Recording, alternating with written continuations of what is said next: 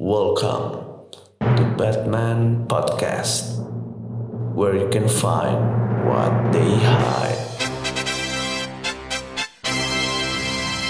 Oke semuanya selamat datang, selamat bergabung di podcast Batman di mana dalam podcast ini kami akan mengulas isu-isu politik. Bersama saya Andreas Hermanus Tampu Bola sebagai host. Ditemani dengan Saya Ezra Axel, seorang pengamat politik dari dari tadi. Oke pengamat politik dari tadi. Isu yang mau kita bawakan hari ini kenapa harus bawa-bawa satu partai yang spesifik gitu loh Pak? Kenapa harus partai umat? Nah, Partai umat.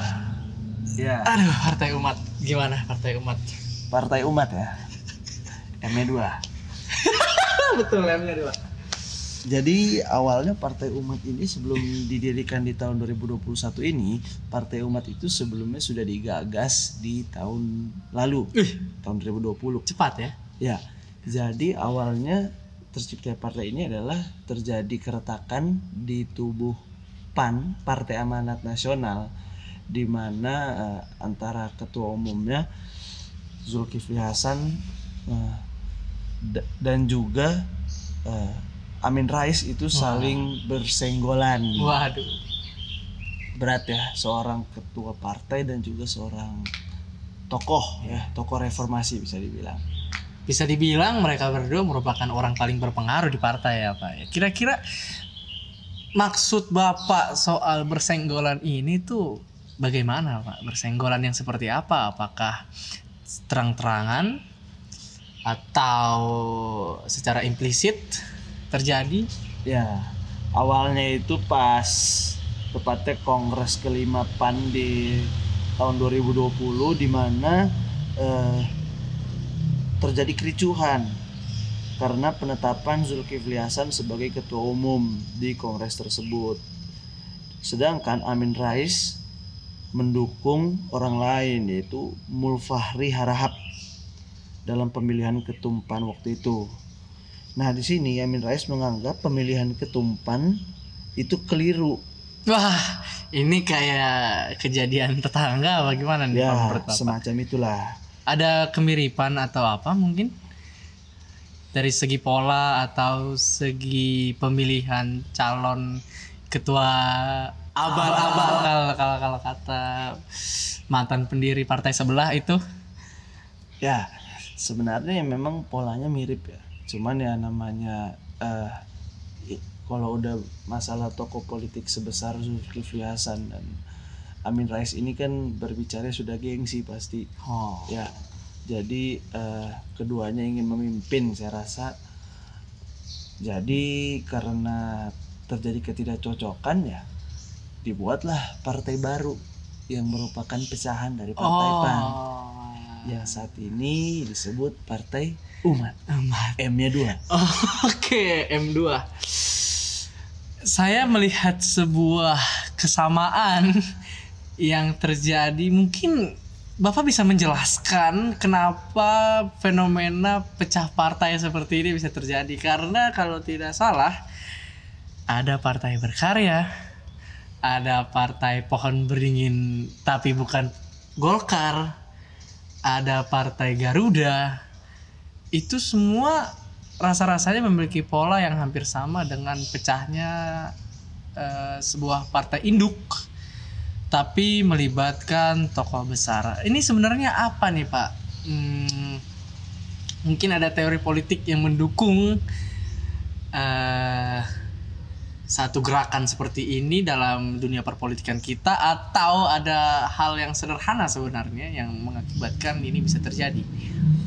Ya dasarnya sih karena kita negara demokrasi itu hak setiap orang untuk membangun partai ya. Dan kita ini dari dulu sudah terbiasa dengan partai yang jumlahnya besar. Padahal ya sebenarnya dari dulu track record partai-partai kecil itu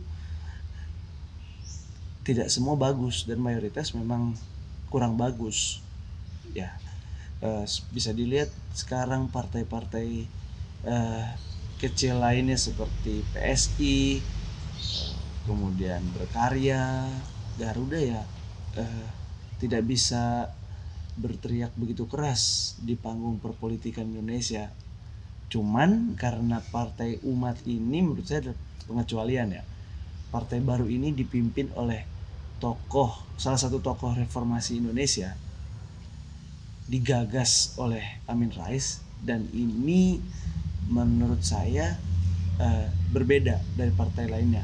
Seperti misalnya kalau partai berkarya itu kan eh, dipimpin oleh Eh. kan ya bisa dibilang. Maaf, maaf. ya diduga seorang cuman ya sam- apa Sensor sulit ya itu pasti walaupun memang secara sah Tommy Soeharto itu sudah bebas dari hukuman cuman eh, kenangan masyarakat itu kan masih ada ya terkait kasus yang menimpa Tommy Soeharto. Tapi ya Amin Rais ini kan ya dia ini kan dikenal kritis ada poros pemerintah dia juga apa eh, selalu terlihat eh, ingin yang terbaik untuk rakyat jadi eh, peluangnya ini tidak bisa kita samaratakan dengan partai-partai baru lainnya Hmm. kita saya. Mencium bau optimisme nih dari seorang pengamat politik dari tadi nih. Kenapa ada optimisme dan eh, perbandingan yang Bapak bangun dengan partai SI apa itu PSI saya lupa kepanjangannya Partai Solidaritas Indonesia yang notabene diisi oleh anak-anak muda sepertinya Bapak ini punya kecenderungan untuk mendukung partai umat dibandingkan dengan PSI yang di mana pada saat pesta politik 2019 dirinya cukup vokal namun ya kita lihat lah ya dia tidak tidak berhasil duduk di Senayan tidak ada kader yang akhirnya masuk di eksekutif juga. Itu eh, apakah seorang figur Amin Rais bisa membuat perubahan, bisa membuat perbedaan yang sedemikian signifikan, atau mungkin eh, ideologi partai dari partai umat ini yang membuat kemungkinan-kemungkinan lain bisa timbul atau bagaimana sebenarnya Pak? Optimisme Bapak terhadap partai ini itu lahir dari mana kira-kira? Ya, kalau melihat sepak terjang PSI ini terlalu idealis ya menurut saya. Anak-anak muda ini harus belajar dari para politikus-politikus senior tentang eh, perpolitikan Indonesia. Tidak semudah itu menerapkan idealisme kepada rakyat karena eh, kenyataan di lapangan yang berbeda. Eh, Jadi Bapak mendukung politik lobby-lobby atau bagai semacamnya gitu? ya kalau namanya lobby itu kan udah eh, terang-terangan ya terang-terangan ya. Kalau di politik Indonesia jadi eh, tokoh senior itu punya andil besar partai besar punya andil besar dan eh, itu yang harus dipelajari. Dan kita eh, untuk partai-partai baru lainnya juga ya harus pastinya harus eh, memasukkan itu ke dalam eh, prioritas mereka ya.